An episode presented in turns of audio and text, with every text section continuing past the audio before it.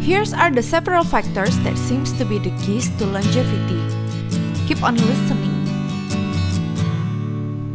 Hi everyone, welcome to our educative and lifestyle podcast.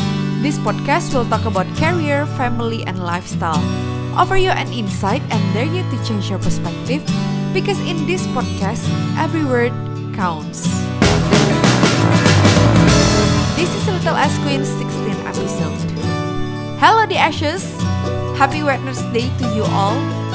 I hope that you start the day right today, okay? If not, don't worry. You can always start all over again today and now. So, what are the key factors that seems to be the key to longevity and happy life that are found in the blue zones area, especially in Okinawa? Are you curious about that? Without further ado, let's begin our reading of the day. The five blue zones. Okinawa holds first place among the world's blue zones. In Okinawa, women in particular live longer and have fewer diseases than anywhere else in the world. The five regions identified and analyzed by Dan Buettner in his book called The Blue Zones are first, Okinawa, Japan especially the northern part of the island. The locals eat a diet rich in vegetables and tofu, typically served on a small plate.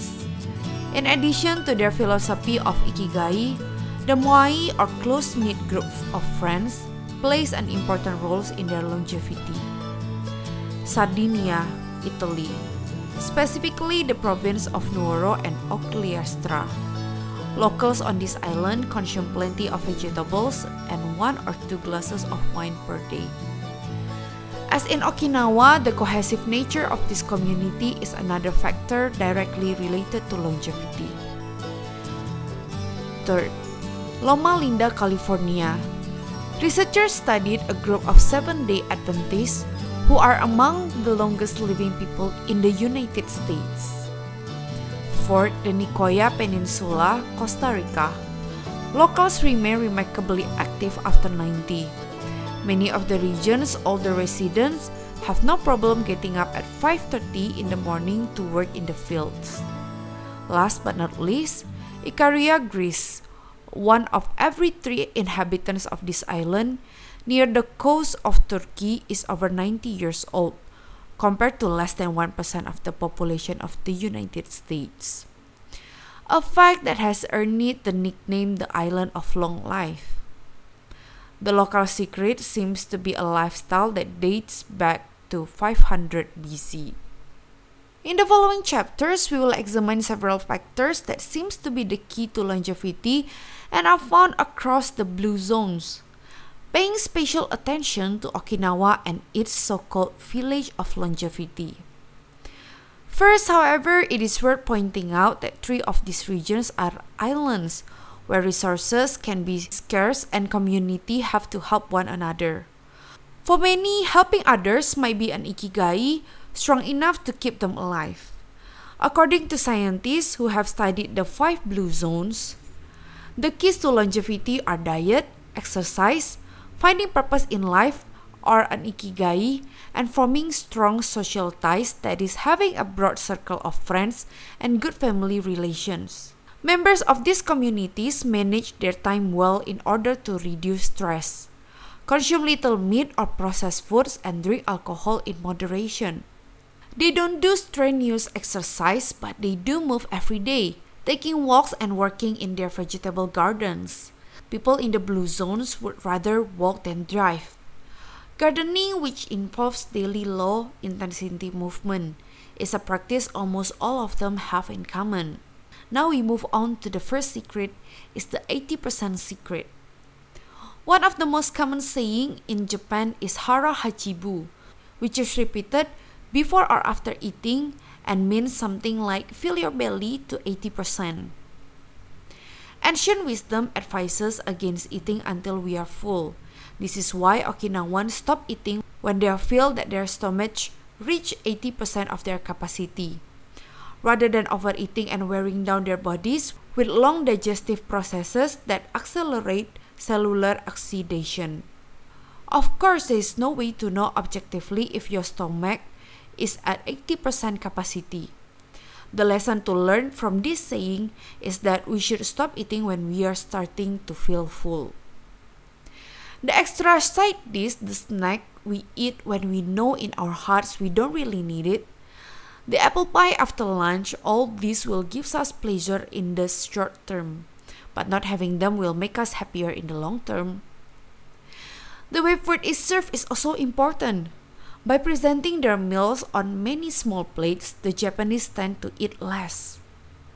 A typical meal in a restaurant in Japan is served in five plates on a tray, four of them very small and the main dish slightly bigger.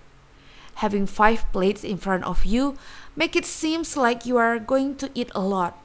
But what happened most of the time is that you ended up feeling slightly hungry. This is one of the reasons why Westerners in Japan typically lose weight and stay trim. Recent study by nutritionists revealed that Okinawans consume a daily average of 1,800 to 1,000 to 900 calories compared to 2,200 to 3,300 in the United States and have a body mass index between 18 and 22 compared to 26 or 27 in the United States. The Okinawan diet is rich in tofu, sweet potatoes, fish three times per week, and vegetables roughly 11 ounces per day. In the chapter dedicated to nutrition, we will see which healthy antioxidant rich food are included in this 80%. Moving on to Moai, Connected for Life. It is customary in Okinawa to form close bond within local communities. A moai is an informal group of people with common interests who look out for one another. For many, serving the community becomes part of their ikigai. The moai has its origin in hard times when farmers would get together to share best practices and help one another cope with major harvests. Members of moai make a set monthly contribution to the group. This payment allows them to participate in the meetings, dinner, games of Go and Shogi, Japanese chess, or whatever hobby they have in common. The funds collected by the group are used for activities, but if there is money left over, one member decided on the rotating basis receive a set amount from the surplus. In this way, being part of Moai helps maintain emotional and financial stability. If a member of Moai is in financial trouble, he or she can get an advance from the group's saving. While the details of each Moai accounting practices vary according to the group and its economic means. The feeling of belonging and support gives the individual a sense of security and helps increase life expectancy. Following this brief introduction to the topics covered in this book, we look at the few causes of premature aging in the modern life and then explore different factors related to ikigai. Is it a little bit hard to understand? It's okay. Uh, basically, this chapter, the second part of the chapter 1, discussing about the common practice of the five blue zones, the 80% of the way they eat, and the lifestyle and what are they, what is their diet, Obviously, it is uh, full of vegetables, fish, and then some tofu. Remember in that part. And then the second one is the community, which is called a moai in the Okinawa. So, are we living in the connected life with one another, or are we living in the selfish life? It is a question we need to ask and we need to reflect on ourselves whether we have been living all alone in the community. It doesn't necessarily community as if a religion community. It could be anything. It could be um, it could be your hobbies community or whatever. And then write somewhere keep it in your notebook because this is going to be a puzzle and it will link to the till the very end. Finding ikigai is one thing but understand where you are now is essential to take where we need to go don't forget to be honest with yourself and write whatever comes in your mind. Because remember what Eluna said, even if it doesn't make sense now, but it contains a grain of truth later on. Happy reflecting, guys, and thank you for journeying with us and loving this podcast.